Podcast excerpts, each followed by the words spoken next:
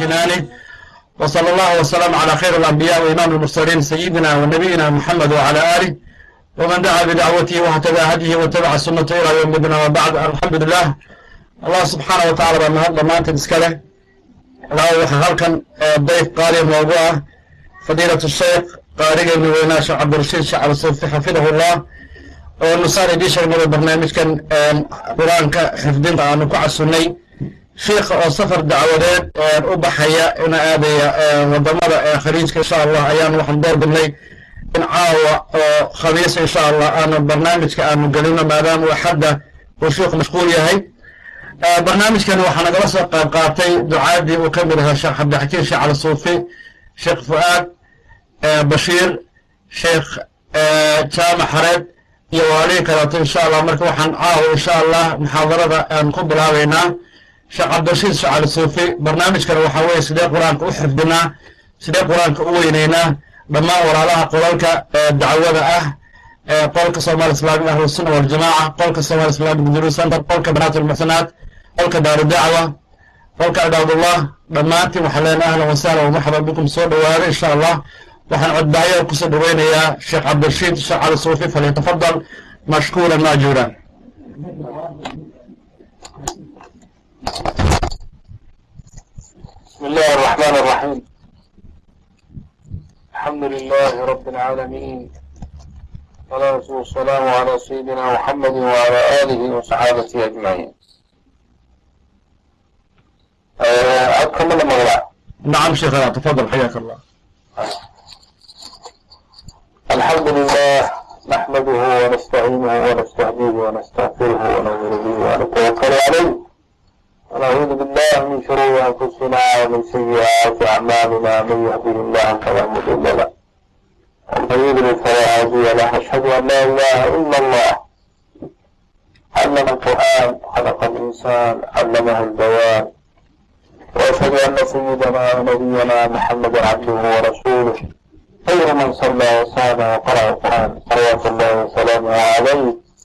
وعلى آله وأصحابه مختلف الملوان الله الدين أما بسم الله الرحمن الرحيم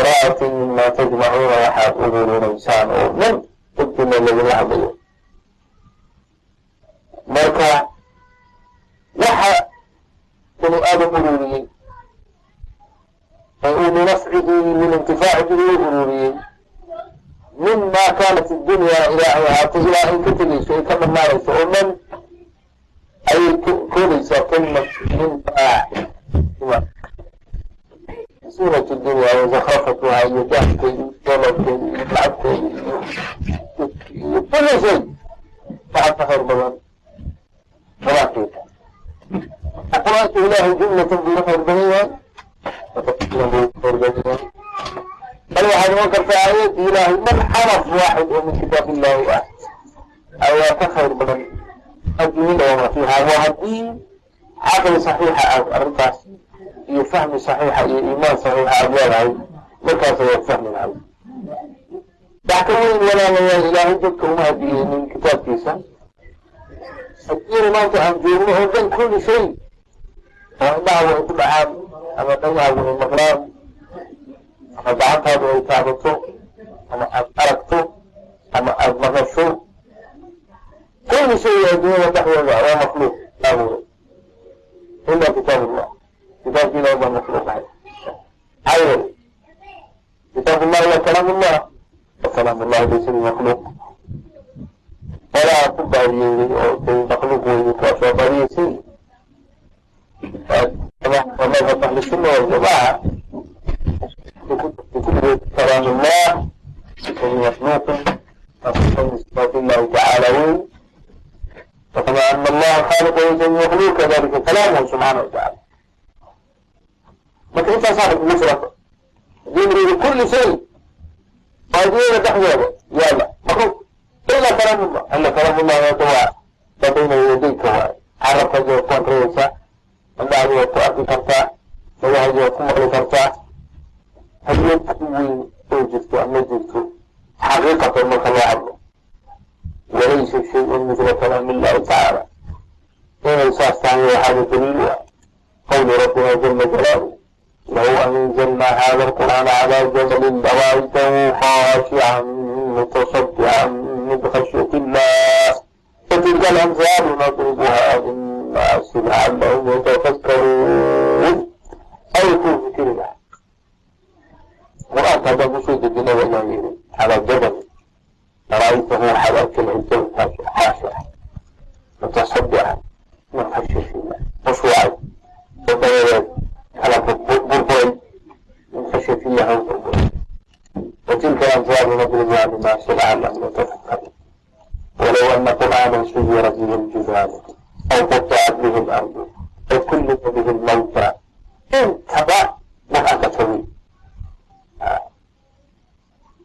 يعني قرآنك إله وحلم من المجر آية من كتاب الله وأبوك ونكحه النبي النبي صلى الله عليه وآله وسلم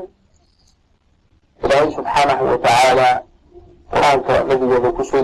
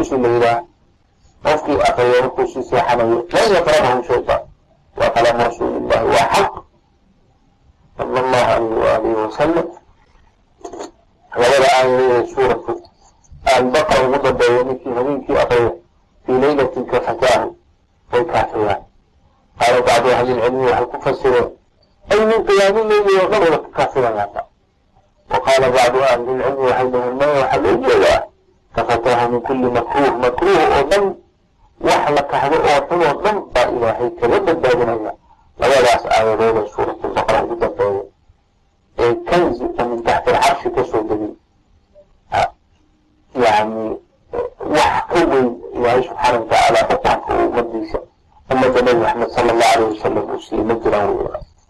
lidalika nabiga sala allahu alayh waalihi wasalam qur'aanka asxaabtiisa isagaa bari jiray mushaafahatan u bari jiray afkiisa ka qaateen salawaatu llahi wasalaamu calayh yani tacalamu isaga ka barteen markaa markaasay sii bareen barashada qur'aanka nabiga sala allahu alayh waalihi wasalam asxaabtiisa wuu ku boorin jiray. Wuxuu meeshan marmarka qaarkii tusaale ugu soo qaadi jiray waxaalahay dadku ay jecel yihiin liqaalka fitratan ayaa dadka ilaahay u jeclaysiiyey markaasuu nabigu waxaa xadiiskiisa waxaa ka mida baa jecel. Meel waadan xaqiiq la yidhaha waa meel u dhow masjidka u dhow oo ka foge loo lugeyn karo. Intuu tago inuu ka soo helo naaqatan kawmaa hal kurs weyn laho qurux badan. Biduuni ismin walaa qatiicati raxim. Isagoon dembina gelin qaraamar guuni dhibaatana la iman yani isagoon dabna galaasanin dhibaatana geynin dembina gelin iska soo hela oo bilaas ku soo hela kulina ya rasuul allah waa doonin maba faqaala calayhi salaatu wasalaam wuxuu yihi an yarduu axadukum ila lmasjidi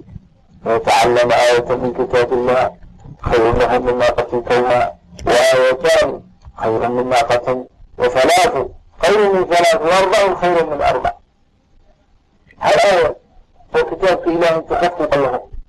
Oo nasinka u kal laho. Oo aayatan min kitaabillahi uu ka soo barto ayaa uga khayr badan. Hashaas iska weyn laho quruxda badan. Oo ubilaas ku shaqeey laba aayad maa laga halaag bay ka qiyo badan saddex aayadood ba saddex hal. Afar aayadood ba afar min cadaduhuna cadad kasta oo qur'aanku aayadihiisa ayaa ka khayr badan. Cadadkeeda oo geela culamada qaarkood waxay leeyihiin halkan geel gaara ah nabigu ma joogi calayhi salaatu wasalaam wuxuu markaa u jeedin wixii ugu sharaf badnaa ay dadku jeclaayeen min abwaabihim geelu ahaa marka gooskiisa gaadiyadaa soo jeli waxaad oran kartaa aayatu min kitaabillah khayrun ka qayb badan min marsidisin bayda wa min mankarujarin xabra waxaad rabtaba adigu waa dadka dadku jecel yahay oo meesha soo geli oo baabuurka ugu qiimo badan hal aayad baa baabuurka ugu qiimo badan hadduu ka khayr badan laba aayadna waa ka khayr badan yihiin laba dhabo wahaakada lianna nabiga calayhi salaatu wasalaam sifo gaara geela uma sheegin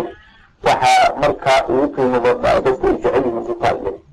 haddaba fadliga qur'aanka ma kodi karno qur'aanka akhriskiisa fi dunya baraka weeyaan qabrigana nuur buu ku noqonayaa markii dadku dhan kala tagaan weyn buu ku noqonayaa yoma qiyaamo markaad soo kacdana ee dadkao dhan ilaahay soo kiciyana wuxuu ku noqonayaa shafiic bayna yaday illah wuu ku shafeeca qaadayaa kaa hari maayo ilaa jannada meel booska ugu sarreeya ugu geeyo waa haddaad saaxib alqur'aani aada noqoto kii ku camalfalayo aada noqoto waxaan arrimahaas ka xusuusanaynaa abwaabdii aadka u qurux badnayd oo u fiicnayd oo imaamkeenu imaam shaatibi raximahullah uu ku taxriibinayay ku boorinayay qur-aanka barashadiisa bilowgii kitaabkiisii shaatibiyada ku mashhuurka ku noqday oo qiraa'aadka toddobada uu kaga hadlayey uu wuxuu yihi raxmatullahi calayhi waina kitaab allahi awsaqu shaaficin waagna ghanaain waahidan mutafadila وخير جليس لا يمل حديثه فقلبه يزداد فيه تجملا وحيث تطالبت في ظلماته من القبر يرفع حسنا متهللا ذلك يهمه نقيلا وروضة ومن أجله في ذروة العز يبتلى يناشد في إرضائه لحبيبه وأجدر به سيلا إليه موصلا فيا أيها القاري به متمسكا مجلا له في كل حال مبدلا حريرا حريرا وأرجاك عليه ما ولا غش أموال من التاج والحمى فما ظنكم بالنجل عند جزائه أولئك أهل الله وصدق الملا أولي البر والإحسان والصبر والتقى ولا بها جاء القرآن مفصلا عليك بها ما عشت فيها منافسا وضع نفسك الدنيا وأنفاسها العلا وإن كتاب الله كتاب الله أوثق شافئا شفاعتهم يوم القيامة واخرين نبينا شفاعي أولينا شفاعي صالحين شفاعي آه. ولكن قرآن اللي يقل سوري بلن شفاعة القرآن قبل معيش وأولى غناء واحدا متفضلا وحلد الطرق المتعاون وخير جليس القرآن كاس كم خير القرآن إلى لو يشوف إلى لا فريسته وإياه لا يهم الحديث يمل حديثه حديث يشكريسا لغما حيث دعوه وترداده كعدليتيس يزداد فيه جملا ويزداد القارئ تجملا يحكى الدنيا العلم ولا يحيث دعا إلا القرآن وحال قصي قادة وجعل إيوانا وحيث الفتى يرتاع الدنيا دي واسدة شوين بكيه فحيث الفتى يرتاع في ظلماته وكل يوم وليس أولها سلام هذا سيرك ما oo qabriga mugdiga aad gasho oo aad halkaas ka bawdo yarqaahu qur'aankii wuxuu la kulmayaa ninkii saaxiib ahaa sanan mutahayila isagoo iftiimayo walalaclo yarqaahu sanan mutahayila hunaalika halkaasuu yahniihi maqiilan wacuudatan min ajlihi fi dirwati alcizi mithla hunaalika halkaasuu yarqaahu yahniihi maqiilan halkaasuu wuu ugu tahniyadeynaya soo seexay. Garabiga ku jirto ama baataay ilaa aakhir aladyaa wuu ka hadlay yani labada waalid oo xaafida qur'aanka baray inay ma garanaysaa ilaahay subxaana watacaala taab dawu amru min dawi shams fii buyuuti dunya. Marka laysa mila qur'aani shay qur'aanka wax nafta ma jira sifooyinka sifada wanaagsan ee qur'aanka see ku heli karaa abyaada ugu dambaysa muqadimada ugu dambaysa ayuu kaga warramay sifooyinka la doonayo qofka waxaasoo wanaagga helaaya waa keeni nafsii man istaxdaa ila allahi waxdahu alka qur'aanu shurban wadhamsamaa fadaalat calayhi arduhu fatafastaqat bikuli cabiirin xiina asbaxa muqbadaa افدي بنفسي من استهدى إلى الله وحده ها القرآن إلهي كلميس هداية تبلغ أنا كلمت كل مغري طريق الهداية بدخل من كدوان وكان له القرآن وها شربا ومرسلا القرآن فتقل تجيل وعبد إيمين يسكبه بدوة سحرتها فقالت عليه أرضه فتفتقت بكل عبير القرآن ومكمل سيدا مطر يا رحمة عرك تسود بنيه من wanaagsan oo udug iyo khayr oo dhan soo bixiyo markaa. Yeeshe tuuba lahu wasawfa yabcathuhannahu wazanbi lata aw hataaju fi lqalbi mashhuula sifooyinkiisii ninkaa laga doonayey ama gabadha waxay doontaan ha noqotay qur'aanka ahalkiisa ah uu ka hadlay sheekhu raxmatullah calayhi wuxuu yihi huwa almujtabaa kan alla doortay weeye oo la doortay wuxuu ku soo kallahaa u soo uu la waabariistaa ama u yimaadaa ama uu la kulmaa yaqduu cala annaasi kullihim qariiban isagoo ah oo u dhow gariiban haddana ah. Bimacnaa akhlaaqiisu akhlaaq dadkoo dhan u dhoweeyo iska kibri maayo iska qaadqaadi maayo oo faanfaani maayo oo kibri maayo oo wax ismoodi maayo. Haddana gariib buu ka yahayo dadka lama miyaho qur'aanka uu xambaarsan yahay awgeed baa dadka kale ka duweysa maadaama iyagu almashhuur ku yihiin adduunyadooda isagu fi kitaabillahi uu mashhuur ku yaho sidii horey loo sheegay hadalkii loo nisbeeyey bacdi salafi saalixiin yanbagii liqaari'i lqur'aani waxaa u haboon an yucrafa bileylihi habeenkiisa in lagu garto idnaasu maayamuun markay dadka kale iska hurdaa wanahaarihi maalintiisa in la garto imaarku yaquumuun markay dadka adduunyada iyo sheekada iyo raflada ku dhex jiraan wabixujnihi murugadiisa id innaasu yadxakun marka dadku iska wasoosnayaan ilaa aakhirihi marka sifooyinkaasuu leeyahay qariiba mustamaala muamala yahuddu jamiica annaasi mawlan liannahu calaa maa calaa maa qadahu llahu yujiruuna afcula dadka iman wuxuu u haystaa oo caqiidaysiyaho qalbigiisa ka ka dhan inay ka wada fadli badan yahay midna inuu soo ka fadliyaya isuma haysto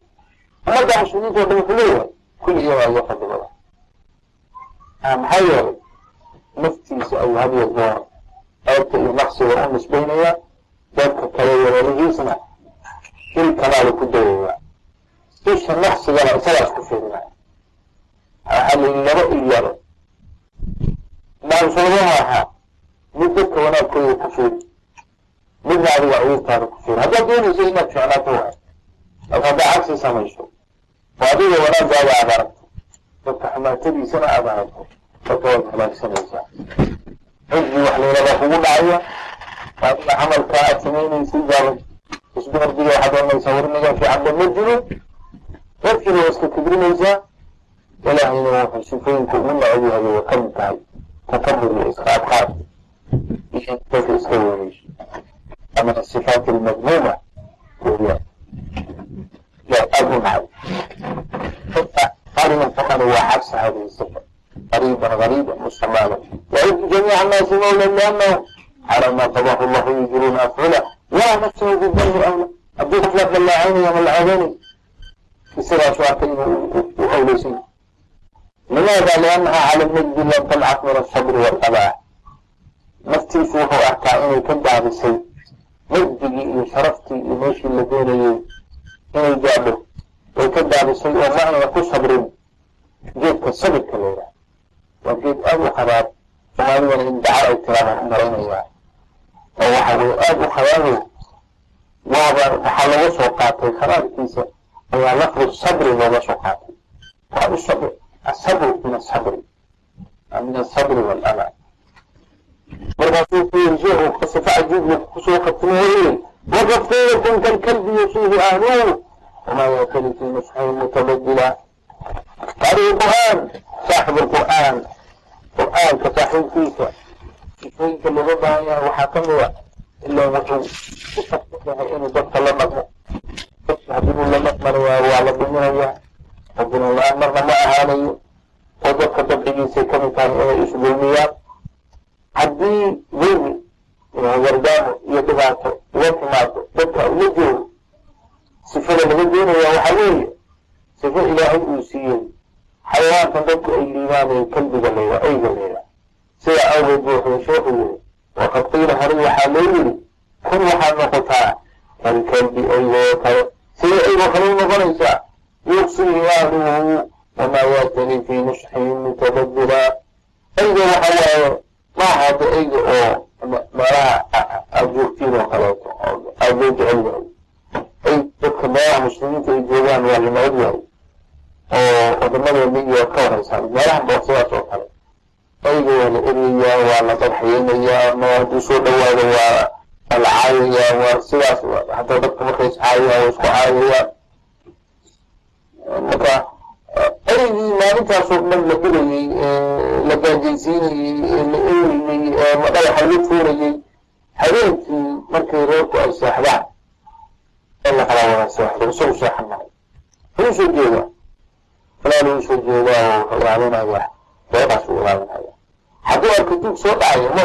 wallahi dadkan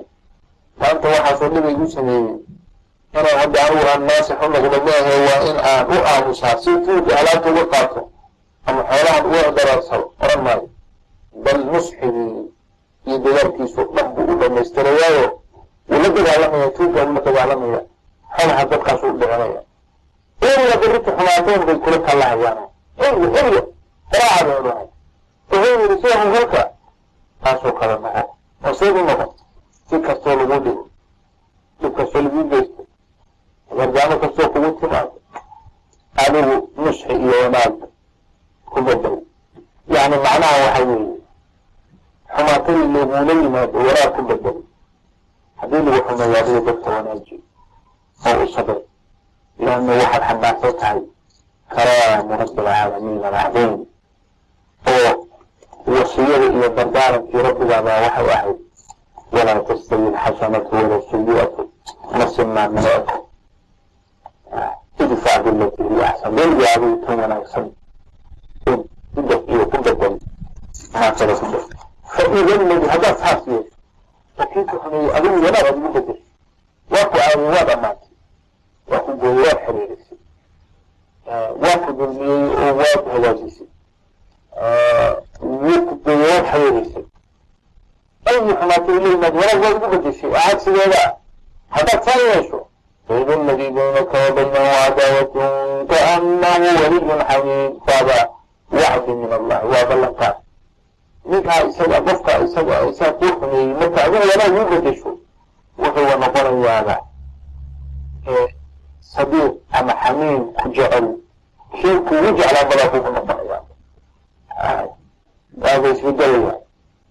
faida aladi baynaka wabaynahu cadaawa cadaawa hadday dhextiri cadaawadi maxay isu bede isu bedeshay kaanahu waliy lxamiim sifadaasaa lagaa doonaya inaad yeelato saas awgeed qur'aanka fadaishiis walaalayaal aad bay u badan yihiin waxaa lanaga doonay waa qur'aan qur'aanka inaan weyneyno min tacdiimi kalaamillahi waxaa kamida inaan aadaabtiisa aanu ku qur'aanka kamida ee nabigeenu loo dardaarmay calayhi salaatu wasalaam ugu muhiimsan an nutahira afwaahana uma afwaahakum afyaashiinu fi turuq alqur'aan qur'aankay dariiq u tahay qur'aankii looga soo maray. Fatahiruu afwaahakum bisiwaaki bu nabi yiri calayhi salaatu wasalaam afkiina siwaak iyo caday ku dahira? Waa markaad qur'aanka famin aadaab waxaa kamida inaad weyse qabto qur'aanka tacliimkiisa ama adiga weyse qabaada adoo tahaara qabaada adoo qibladiisu jeedaada tadabbur iyo iyo maaragtay waana qaadasho qur'aanka aad ku akriyo aad khushuucdo markaad qur-aanka akriyeyso ama aad dhegeysanayso haddii aadan ma garanaysaa qalbigaaga uu gafo ku jiro iska iska yeelyeesho taasaad insha allah ku tagaysa ومن تعظيم كلام الله وحكم العمل به يقوى كل ayaalaha maalan yani maanta ma sahlan oo masaaxiftiidaa iska sahlanat berigooda lama heli jirin yani musxafka qur'aankan waxaad u haysataan dadku sida hadda anagu aan u hadla inay berigooda u heli jireen lama heli jirin berigooda waxaa laga yaabaa reer dhan oo meel degan in hal musxaf ama laba musxaf waxaa laga yaabaa qofka in maaragtay uu xoolo badan iriyo si hal musxaf ku helo yani anigu hadda waxaan hayaa musxaf baan hayaa. Halka agtaya yaalla. Oo laba boqol iyo konton sano ka hor baa taqriiban qariinta qariinta u qoray. Waxaan yani siduu u qariyey siduu u hagaajiyey qur'aanka abu xamar buu ku qoran yahay. Qiraa'atu abu xamirin buu ku qoran tahay musxafka gudihiisa korna waxaa ka saaran qur'aankii oo dhan baa ka saaran todobadii qiro tafsiiriga yani juhdigii iyo dadaalka kaga baxay waxaan u malaynayaa inay sanayaal far badan badan badan ay ku dhacday dadkii musxafkaas ugu soo dalbaday oo helayna ma malin maayo inay bilaash ku heleen in xoog fara badan ay ku bixiyeen ayaan u malin marka macnaha hadda masaaxiftii iska saalonaatay saaxil baysta ma rabtay waa la iska helaa laakiin musxafka isagaa in la weydiyo oo la taqdiiriyo la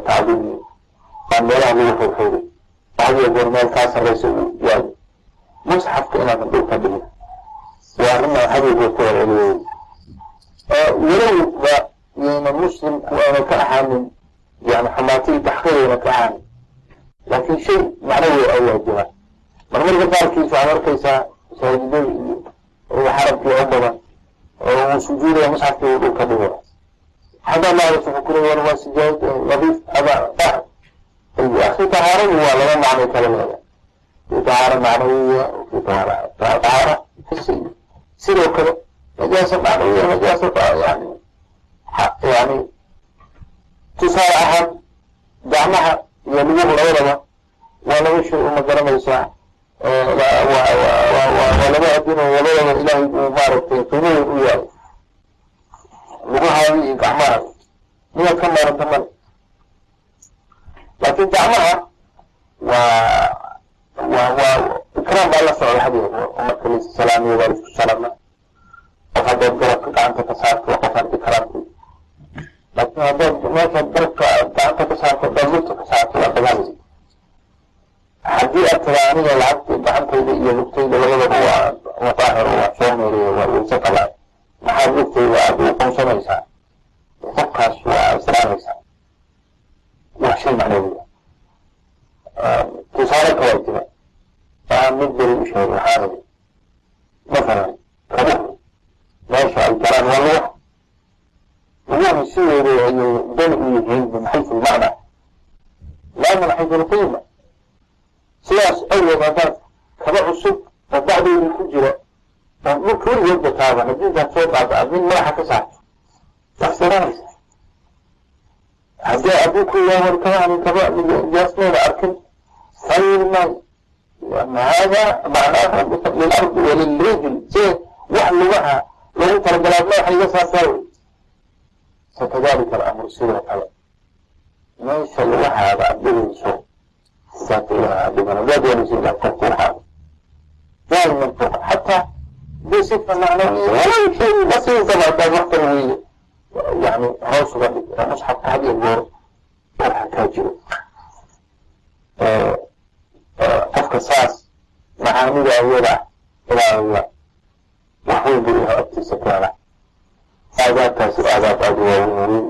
waxyaalaha sugnaaday oo aimadeena ka sugnaaday waxaa ka mida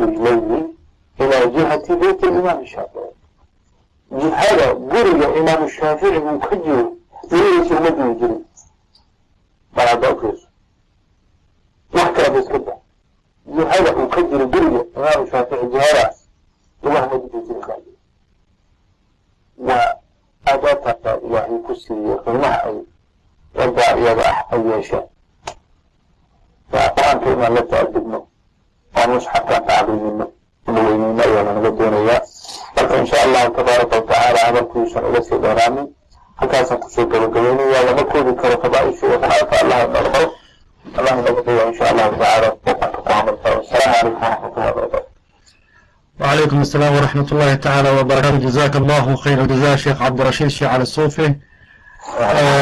allah subxaanah wa tacaala ha kula soo saaro maca nabiyiina wasidiiqiin washuhadaa wa xusna ulaaika rafiiqa insha allah waxaan sheekhana may maqashaan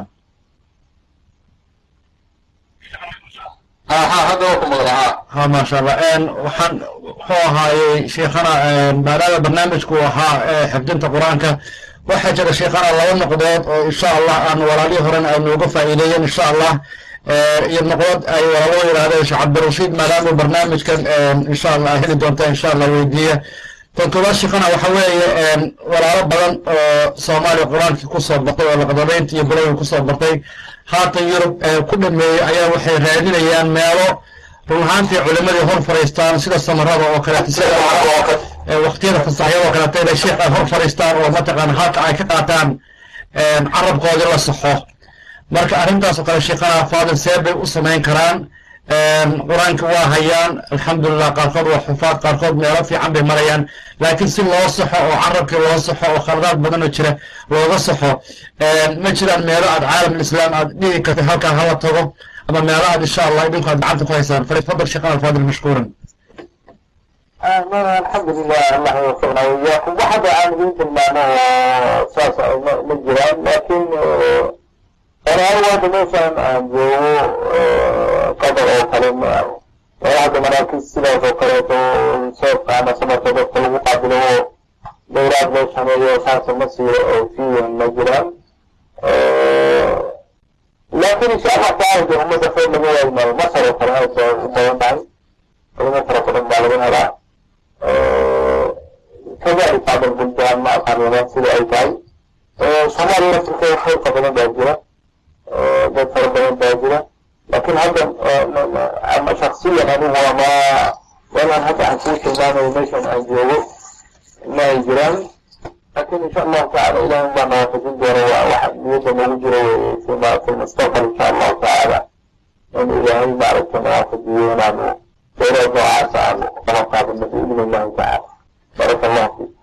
jazaak allahu khayr sheekh faadil sheekhana waxaan jeclaan lahaa iyadan inaad nala shaakaraysid oo nala mushaakaraysid insha allah arrin aan insha allah walaalaha weydiinay. Muxuu ahaayey maadaama sheekha qurbe la yimid dadka maanta ku dhegaysanayna oo kunka iyo saayidka gaarayna ay u badan yihiin dad boqolkiiba sagaashan sagaal qurbe jooga gurigii maanta nacam guriga aad ku soo kotay allah subxaana ha u naxariista aabe shaqal suufi. Ahmiyadda uu lahaa qur'aanku oonu wada garana maanta dad badan aanan ku soo barbaarin. Maxaad sheekhana aad kula talin lahayd dadka maanta qurbaha jooga? Qur'aanka sidee buu saldhig ugu noqon karaa noloshooda maalmeed? Waxaa kaloo sheekhu iyagana jirta maanta in maadaama guryo badan ay halka ay baaba-een in hooyo keliya ay ilmihii la cararayso oo booskii aabuhuba run ahaantii layska ilaaway. Marka arrimahaas sheekhana faadil maxaad nagu kordhinay xayaaka allah alxamdu lilah ilaahay subxaanahu watacaala ahnoo gargaaro meel kastoo joogno warbana waa ku wada jirnaa inkastoo xogey aanu yarnan oo aanu wadamo muslimiin aanu joogno walaakin qofna wadankiisa wax ma jira ilahay wadankiisa noo hagaagsiyo insha allahu tacaala amatan anagu de yaraanteeni markii aanu soo karinay qur'aanka aanu ilaahay subxaana watacaala nawaafajiyey aan waalidkii kala tabaanay zamankaa iska fiicnaa baad moodaa fitan fitankaa iska yaray. Waxa weeye waxyaalaha hadda ciyaalka mashquuliyey ma aysan jirin kale iskaba dhaaf xataa t v ma jirin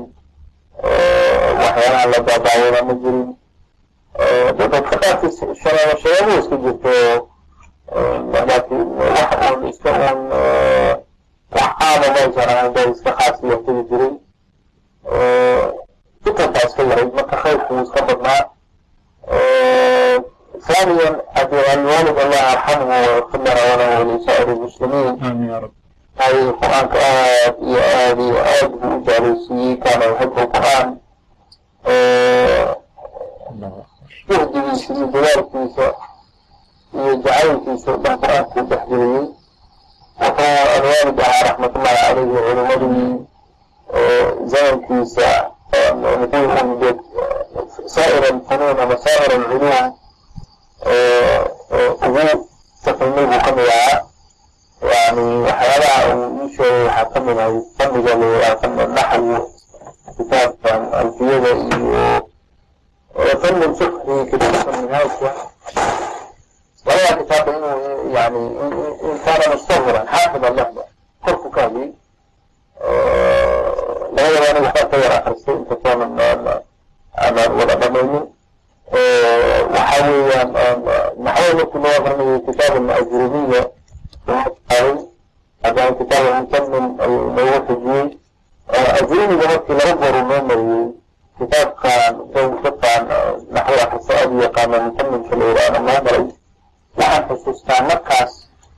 ayaan bilownay qur'aanka dhan ma aragna min awalayda aakhirihi yani usluub cajiibeed wuxuu lahaa is wax la aha arag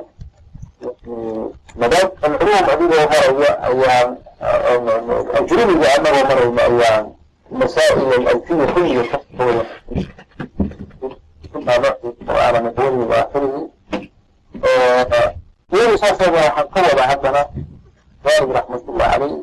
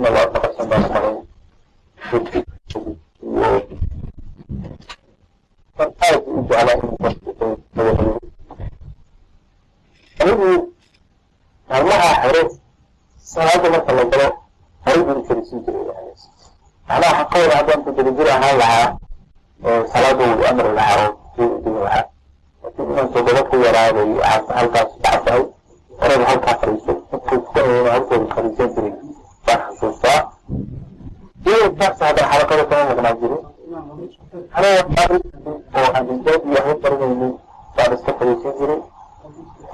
macamuruun ayaa waxay noqotay in ilaahay subxaana watacaala uu ii furo qur'aankii xalaqadii la akrinayay aan markaas ugu socnaayo arigu aan waxayba anigaan isticmaalaynay laakiin isagaa odhan jiray sidaas kujelaya odhan jiray tajiid saxa aniga hay jirinina yarka ku qaata maxaa yeelay annagu agoo waaweyn baan baranay laakiin kuwa la wareegsan ka mid yahay iyagoo yar ayay carabkooda saasuu ku ammaani jireen oo wuxuu ohan jiray hada rajul asxaabi awsa markii la qalasiiyo carabkiisuloo maray saasuu oran jireen marka alxamdulilah wuxuu aad iyo aad loo jeclay jirta ahaan waxay iska ballaaran baan ahay waxyaal fara badan baanu ahayn ciyaal iska badan baanu ahayn waa iska garanaysaa axwaasha iyo umuurta iska yar maaragtay waxyaala badan maado badan ma jirin. Marka asalka isaga lagu dhawaanaya xaggiisa ama wax lagaga helay waxay bilqur'aan asalkana qofka uu qur'aanka ka badiyo ama jalsi uu si fiican la ayuu ku soo dhaweyn jiray. Waan doonayaa naftii uu aad maaragtay ankuwaas meel fiican aka marayo ama aan dhameeyey buu wada jiray khalaas maanta wax aniga aan aan aan kaada wada jiro ama magacayga iska waxdo wixii koofiyada annaga iska xiro waqtiga inaan iska qaado saas jiro maasha allah maasha waxay dhahay arrin maaragtay aad iyo waxay ay hooyinkii kale isla soo korray igama seeri jireen bay ahayd marka inahaas oo dhan baa waxay keentay lillahi alxamdu walminna in aanu qur'aankii aanu jeclaano marka hore yaraanta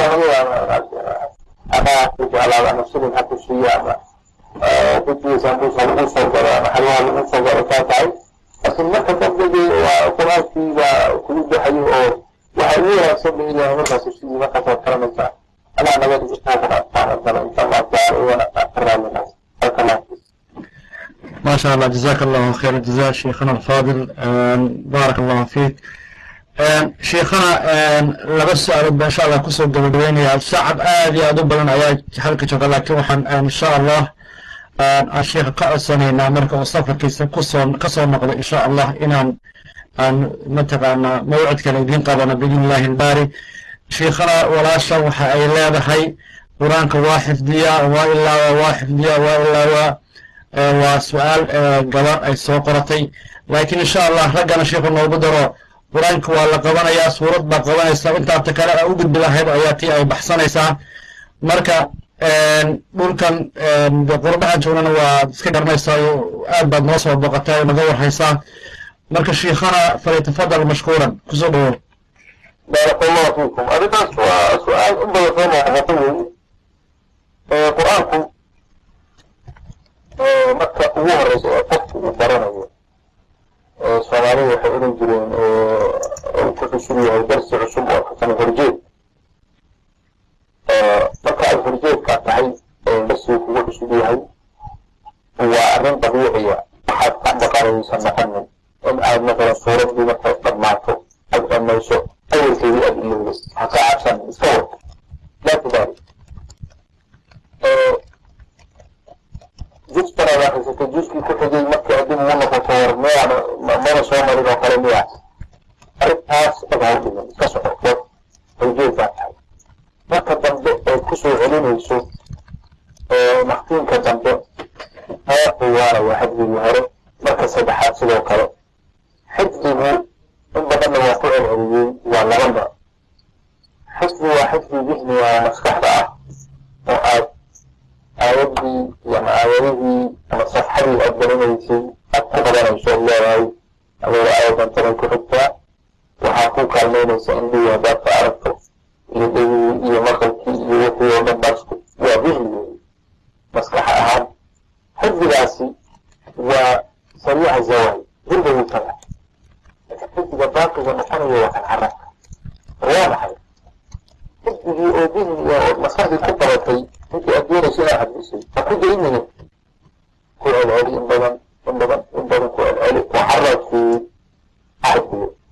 sidaasaa waxay noqonaysaa hadhow inuusan inaadan iloobin marka macnaha waxaa weeye cilaajka yani horta dhan ha ka welwelin haddii aad aad aada ku jirto barnaamijka qur'aanka oo aan kala goynin wixii horaan iloobay haka ha ka welwelin iska wad mar dambe ilaaga ku taysiirin doona wuu ku sahlanaan doonaa laakiin taa ka welwelin waa shay dabiiciya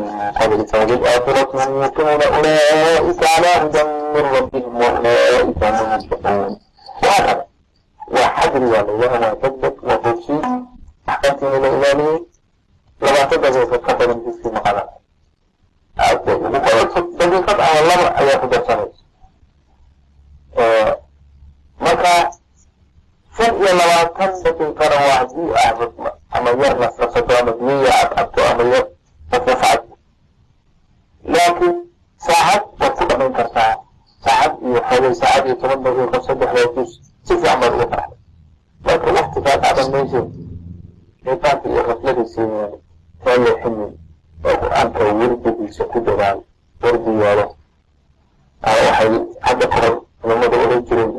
man laysa lahu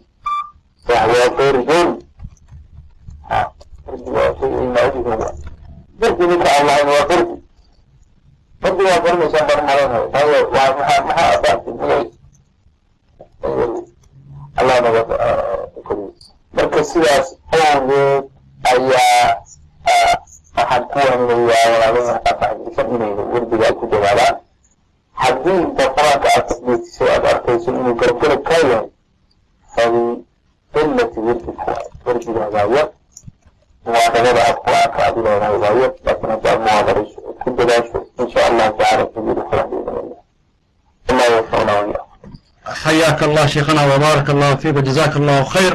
Insha allah walaalayaal waxaan su'aalo siinaynaa. Horta waxaa nagu xiran qoral badan oo gabdho walaalayaana insha allah marka markaan ka baxno labada qol ee somaali islamic new center iyo qolka kale insha allah qolkeenii maasha allah hooyada dacwada qolka somaali islamic ahlusuna waljamaca iyo duruus markaan ka baxno insha allah waxaan u gudbaynaa iyagana aan kelimad insha allah barqatayn insha allah aan kaa daqasho gabdhaha walaalayaana insha allah marka hadda waxaan siinaynaa insha allah ولكن الأستاذ الحبيب الشيخ كمال الدين إن شاء الله فليتفضل مشكورا السلام عليكم ورحمة الله وبركاته جزاك الله خير شيخنا شيخ عبد الرشيد بارك الله فيك شيخنا جل في ميزان حسناتك runtii aad nagu baahnan ee kelimadaada qiimka sheekhana laba su-aal baa halkan tallo marka su-aasha koowaad walaal wuxuu leeyahay waxaa aad ii dhibay aayaadka mutashaabihaadka macnaha aayaadka isku eg. Marka markaan xifdiyo isla markii way iga tagaan. Marka sideen u makinin karaa oo u sugi karaa aayaadkaasi xifdiskoodii. Su'aal kalena waxay ka timid sheekhana gabdhaha qolka qur'aan alkariim waa majmuuco majmuuco kooxo kooxo. Marka waxay leedahay gabadhani kooxda isla wada socota mar walba qeyb ayaa ka hara gabdho ayaa ka haraan markii cabaar ay socdaanba. Marka gabdhihiina arrintaas waxay keentaa inay heer xataa qur'aankii ay ka daciifaan ambeen eeba isaga tagaanba marka naseexadaada ku aadan maxay tahay si gabdhahaasi kooxda ay la socdaan ay casharada isla wada qaataan aysan ugu harin maxay tahay naseexadaada ku aadan? Marka baarak allah fiik sheekhana jazaak allah khayr falitafadal insha allah alxamdulilah tii ku saabsanayd mutashaabihaadku waxay ka mid tahay taan horey u sheegnay oo cilaajkeedu waa kathratu takraar celcelin badan. Dabcan aayadaha isu eg ee mutashaabiha ah waxay u baahan yihiin nooc min aldihni waadhaakira iyo xusuus bay u baahan yihiin in aad kala garato oo aad maataad waxyaalo aad ku kala qiyaasato laakiin had iyo goor waxaa cilaajka rasmigu waa ku celcelin weeyaan yani dihniga keligiis kaafi ma aha. Waa inaad had iyo goor ku celceliso marka qur'aanka ku celintiisa mathalan laba aayadood oo kale oo iska kaa kala galay. Baad doonaysaa inaad kala saarto. Awalan dihniya korka mathala misaal ahaan aan u soo qaadno وما الحياة الدنيا إلا لعب وله وللدار الآخرة خير للذين يتقون أفلا تعقلون وسورة الأنعام وما هذه الحياة الدنيا إلا لهو ولعب وإن الدار الآخرة لهي الحيوان لو كانوا يعلمون وسورة العنكبوت من لعب له المليين من لهو له المليين هذه هو استحباب وقياس وحبليض هاي عليه تنهرين سورة الأنعام كتبت في البداية وهو اللعب ثم جاء بعده اللهو تم ترى سورة ليس وذهنيا لكن بالمرة وإن قدرته وعين ربنا وتيبة كنت أقول على آخر مثلا أيضا آيات الكوريسي آيات وحكت كل قبلية مركا أصلا يا علاجها labaad su-aasha labaad ee ama nasiixada labaad ee soo jeedinaya waxa weeye albaab wanaagsan oo khayr leh baa ilaahay u furay qofka ilaahay qur'aankiisa uu barashadiisa u furay. Saas awgeed ha ka habin ragbigan saalixa ee wanaagsan ee qur'aanka wada baranaya haddaad doonaysa in aad liibaanto ha ka habin maxaa yeele haddaad maanta aad ka hadho maalin baad iman doonta. Aad ka nadaamoomayso ood oranayso yaa laytanii aan la socon lahaa laakiinse waxba kuu tarimaysa maalinkaas maanta la soco oo la abriso oo la sameyn oo kula dadaal taasaan maaragtay anigaasaan isoo jeedinaya gabdhaha insha allah. Wajazahum allahu khayra eh, jasaaka allahu khayr sheekhana alfaadil allah subxaana wa tacaala miisaanka xasanaad kugu daro. Insha allah eh, sheikha insha allah su'aashan ka bacdi. Eh, darabaad baa jira. Ha tafadal fawsan maasha allah su'aashan insha allah kabacdi sheikha ah, dalabaad baa yimid oo ay walaaluhu yiraahdeen markaan maanta ka qaadnay afti eh, ama suurat lfurqaan ama suurat isra miduna hadalo akriya insha allah marka sheekhana su'aasha uu walaalka uu qabo waxaa weeye sheekhana qiraa'ooyinkan badan ee tobanka la gaarsiiyo qaarkood ay toddoba la yidhaahdo anigu waxaan soo batay tii soomaaliya. Haddana maasha allah baan ahayo dhammaystir bay ku sugan tahay inaan iyadoo dhan aan layga saxo. Kuwa kaleeto gelitaankooda hawl aad iyo aad u badan baa mise waa wax fudud oo aan mataqaanaa meelo badan isaga yihiin iyo hawlahaasaa jira marka sheekhana maxaa igula taleetayda inaan ku joogsado nin aad iyo aad qur'aanka u jecel baan ahay. Wakti badan muxuu ahay u haya inaan iyo appetite inaan qur'aanka bato. Marka maxaad igula talay inay tayda ku joogsado maadaama ay barashada qiraa'aadkaas kale ay adag yihiin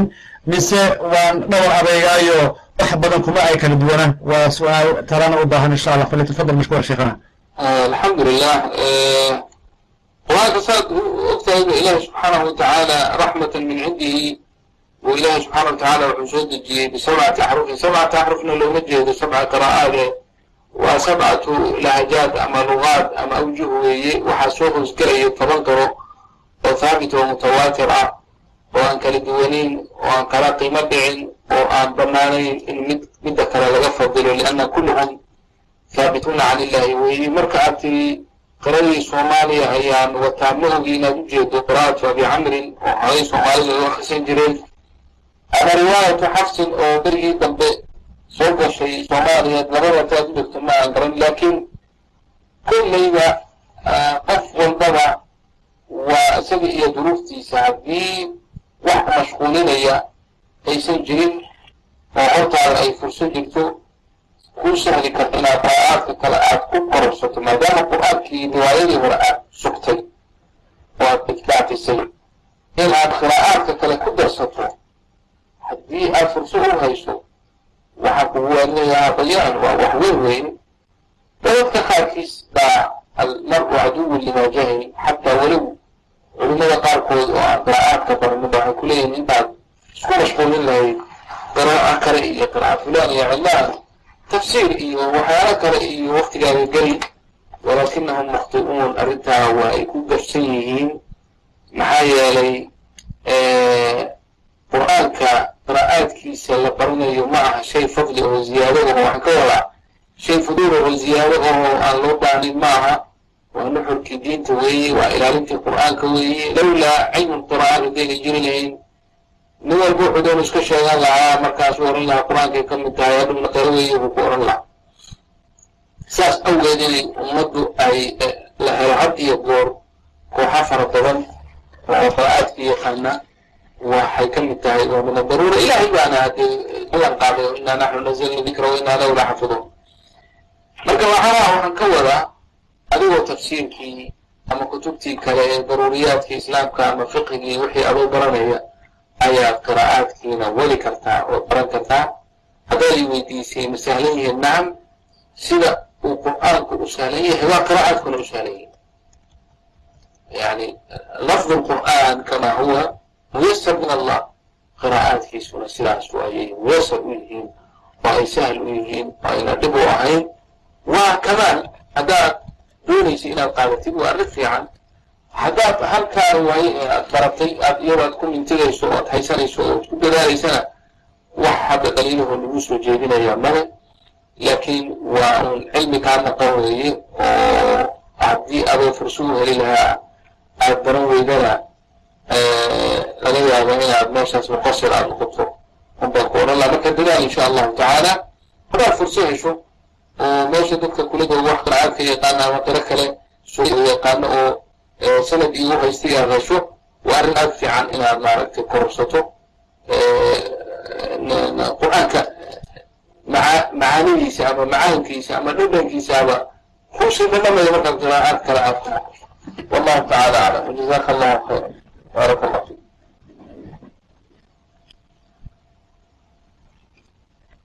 jasak llahu khair eh, abu fawsan fain mashaki ah, tafadl akhi. Masha allah bismillah alxamdulilah shee cabdirashiid waana mataqaanaaye maanta la hadlay janis waa ilahay mahadi ilaahi subxaana watacaala maadaas kale ruantii anigu bersonal waa ku faanasa cabdirashiid oo dadka quraada adduunkan aasaankaxgalo waa iga saaxaanku yaalla milweyna waa iga yaalaa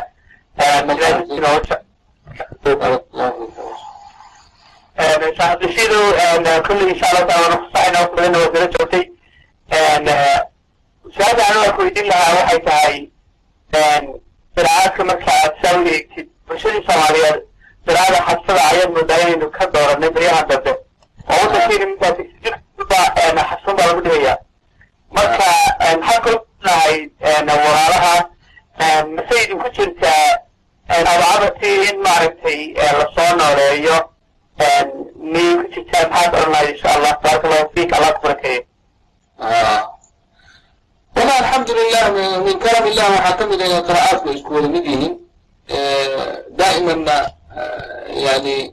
taysiirka iyo fududeynta xaggeeda bacdiya door loo bartaa wax dhibahoo ku sugan ma jiro haddii riwaayad xabs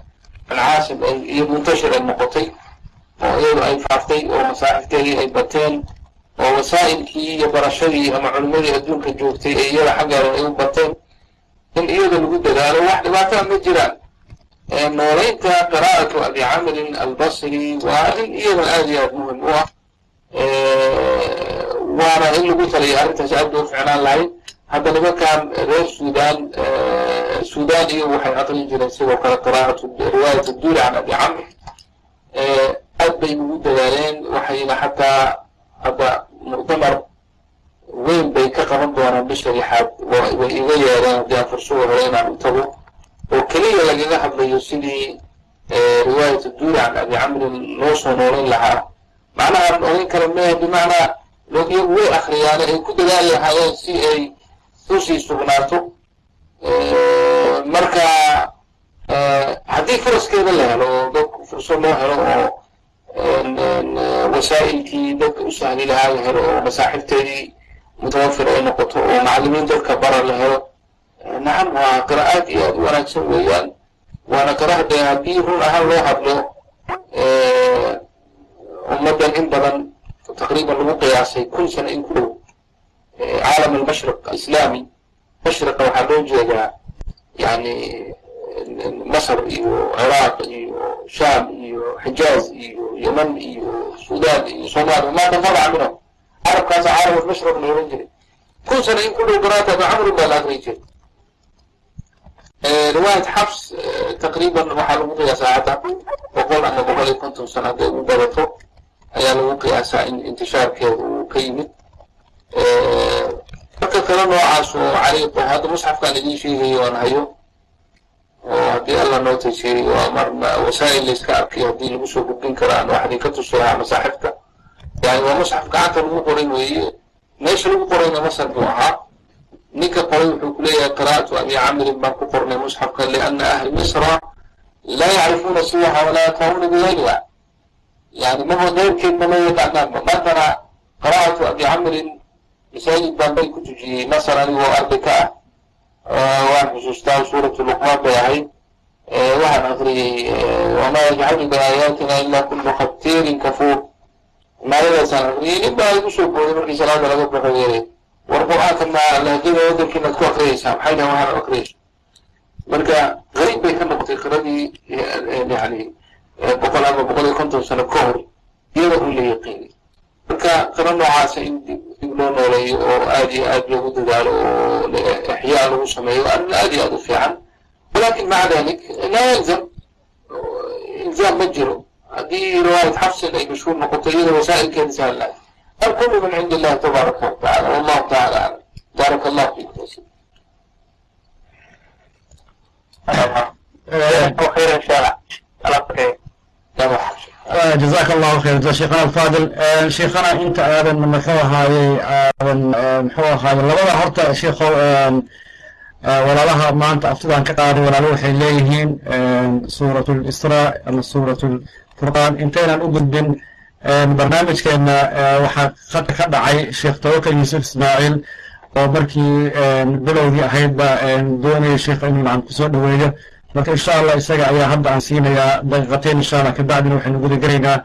ehm, gebagabadii barnaamijkeena insha allah. Dhammaan walaalaha soo dhawaad xayaakum allah wabayakum wbaaraka allah fiikum sheekh tooka may maqashaa in yari dulqaad insha allah. Masha allah. Sheekha tooka wuxuu joogaa minnesota. Ehm, isaga iyo ehm, sheekh ha sheekh tookalu hayaa kala sheekh tawakal eh, hadda waxaa khatar ku jeesnaa sheekheni eh, barnaamijkii baan ku dhex jirnaa. Maadaama uu kaa go-o insha allah sheekhana waxaan kusina waktigaay insha allah gabagabadii barnaamijka waxaan sugaynaa kelimadaadii insha allah iyo aayaadkii uu sheekh cabdirashiid sheekh cali suufi xafidahullah noogu gabagabeynahaa marka sheekh tawakal fali tafadal walaalihii dhammaantood qolalkii dhammaantood oo ku dhegeysanayaan tafadal sheekh maasha allah baaraka allah fiikum jazakum allah khayr الله فيكم وجزاكم الله خير آه، الشيخ كمان وحنا له كلمنا مجهودين ان شاء الله تعالى آه، ولا عن طول طبعا وقع بارك المحسنات ان شاء الله تعالى عملوا بالدعاء يا شيخ ان شاء الله تعالى احكى صاحب الموضوع وجزاكم الله خير بعد في خير كتاكد الجريمة حتى شيخ كمان وحنا لك بارك الله فيك tafadal sheekh sheekh cabdirashiid insha allah kolley walaaluhu waxay caawa ay codsadeen labada codsi oo ah suurat alfurqaan iyo suurat israa insha allah iyo ducadii walaalo badan oo ku dhegeysanaya laba qol saddex qol oo teleconference-ka ah. Qolka daaru dacwa qolka banaatulmuxsanaat iyo qolka cibaadullah iyo laba qol oo ka tirsan walaalaha baato qolka somali islamic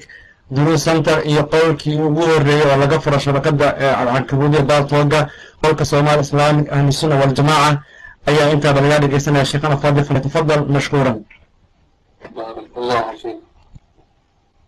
بارك الله فيك طيب آه، قرآن بانو كسو ختمنا ثم إن شاء الله ha duca iyo qur-aanka masha allah si kale raaci طيب طيب طيب طيب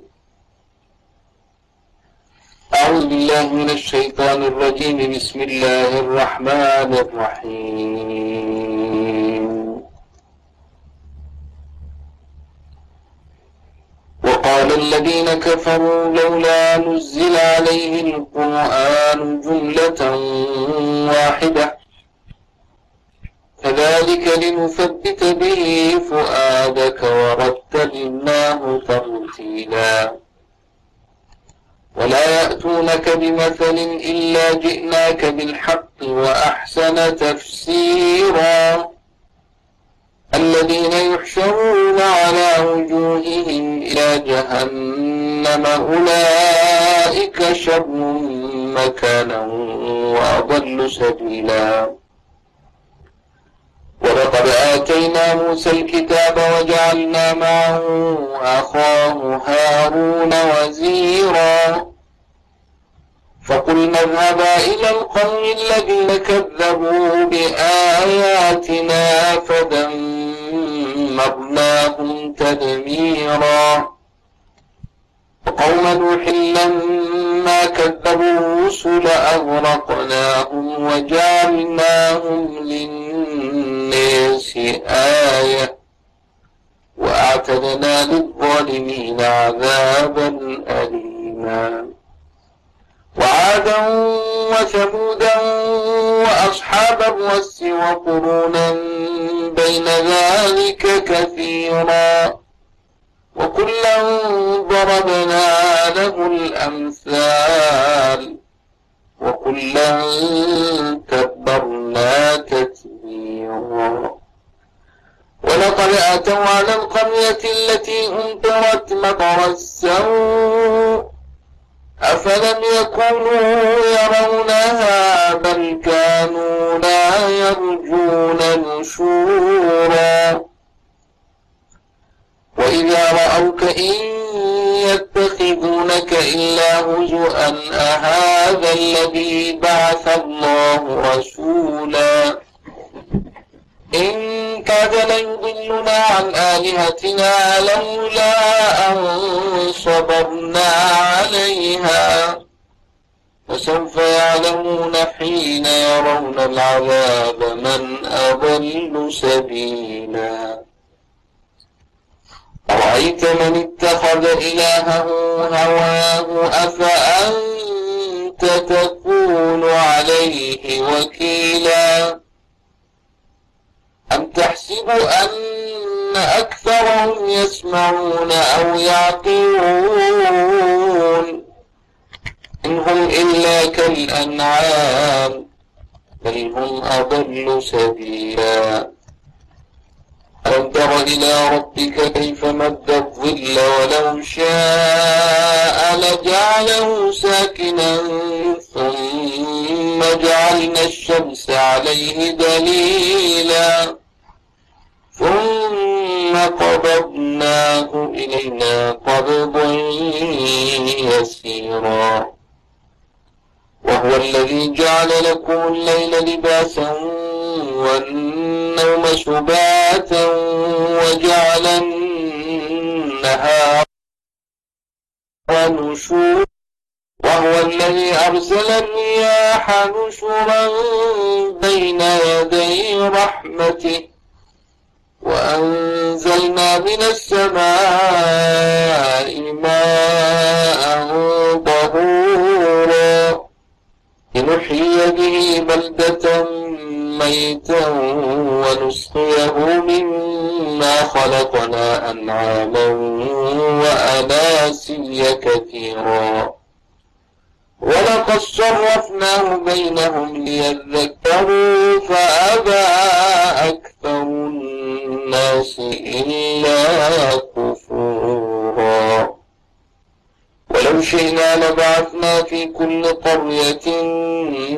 نذيرا فلا تطع الكافرين وجاهدهم به جهادا كبيرا صدق الله العظيم والله ورسوله النبي وفيه الأمين ونحن على ما قال ربنا من الشاهدين والشاكرين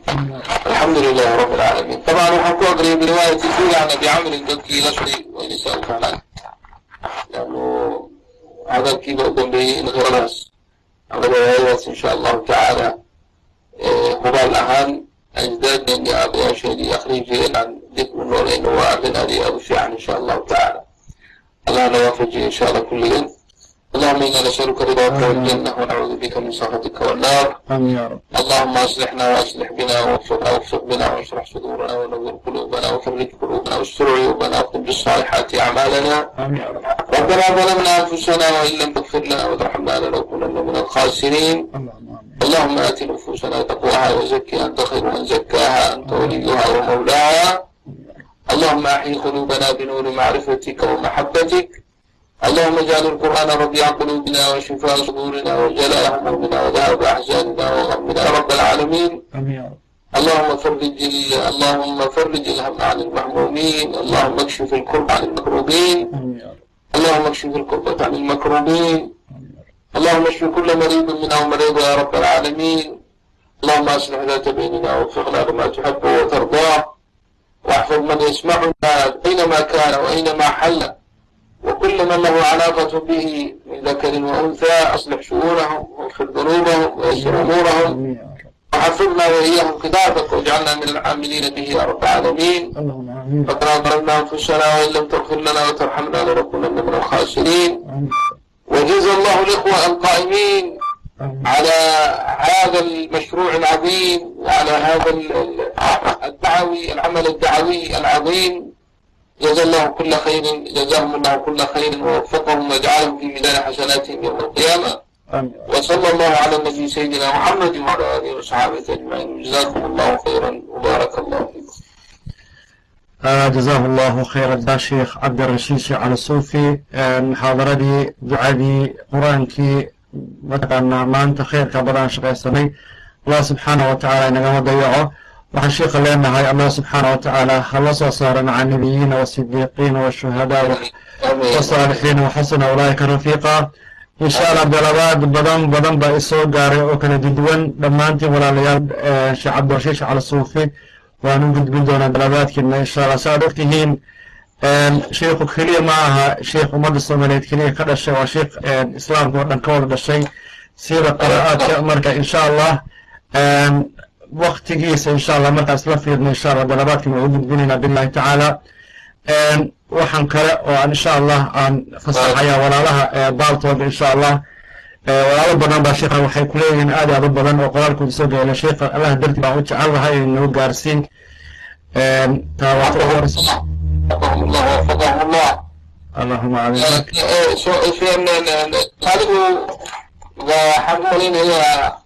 dadkoodii hore iyo awooyaashoodii hore iyo khayr badan bay lahaayeenoo qur'aankay jecel yihiin waa alqur'aan weeye oo ilaahay subxaana watacaala wuu ilaalin doonaa waxaan idinku bishaaraynayaa annagu shalay waxaanu dhammaynay musaabaqat alqur'aan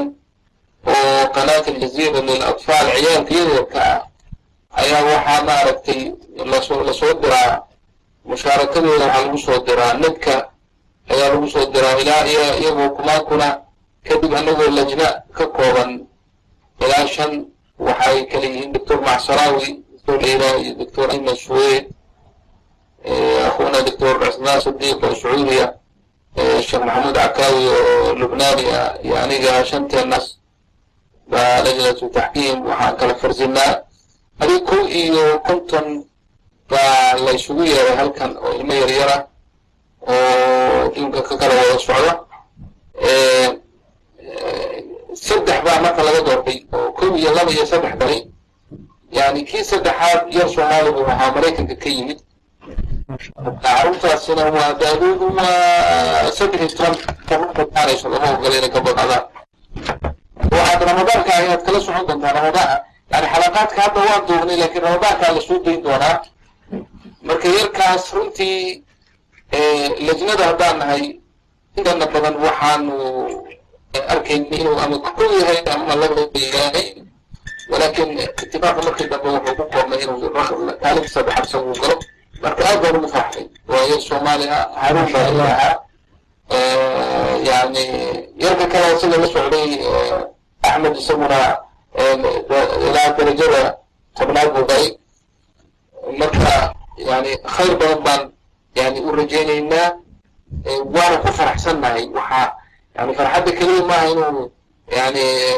soomaali yahay waxaan ku sii farxaynaa. Meesha ay joogaan iyo waddamada la jooga oo haddana kaya in caalamka intay la tartamaan ay weliba kaalimadkoodooda noocaas ay galaan waa min aad iyo aad ma garanaysaa noo tusinaysa in ilah subxana watacaala khayr dadka la damacsiiyay marka gudaha waxaan ka doonaysa ka sii wada baarak allah fiikum. Jazakum allah khayr. Eh, Xayaakum allah insha allah eh, walaalaha eh, mudaabtoog insha allah ducaad dhinacana waa arkaa oo qolka waa buuxaa intii qur'aan ka dhigi jirtay iyo intii dhigan jirtayba qolka waa buuxaa marka insha allah waxaan idinka idin siinayaa microfoonka insha allah baarak allah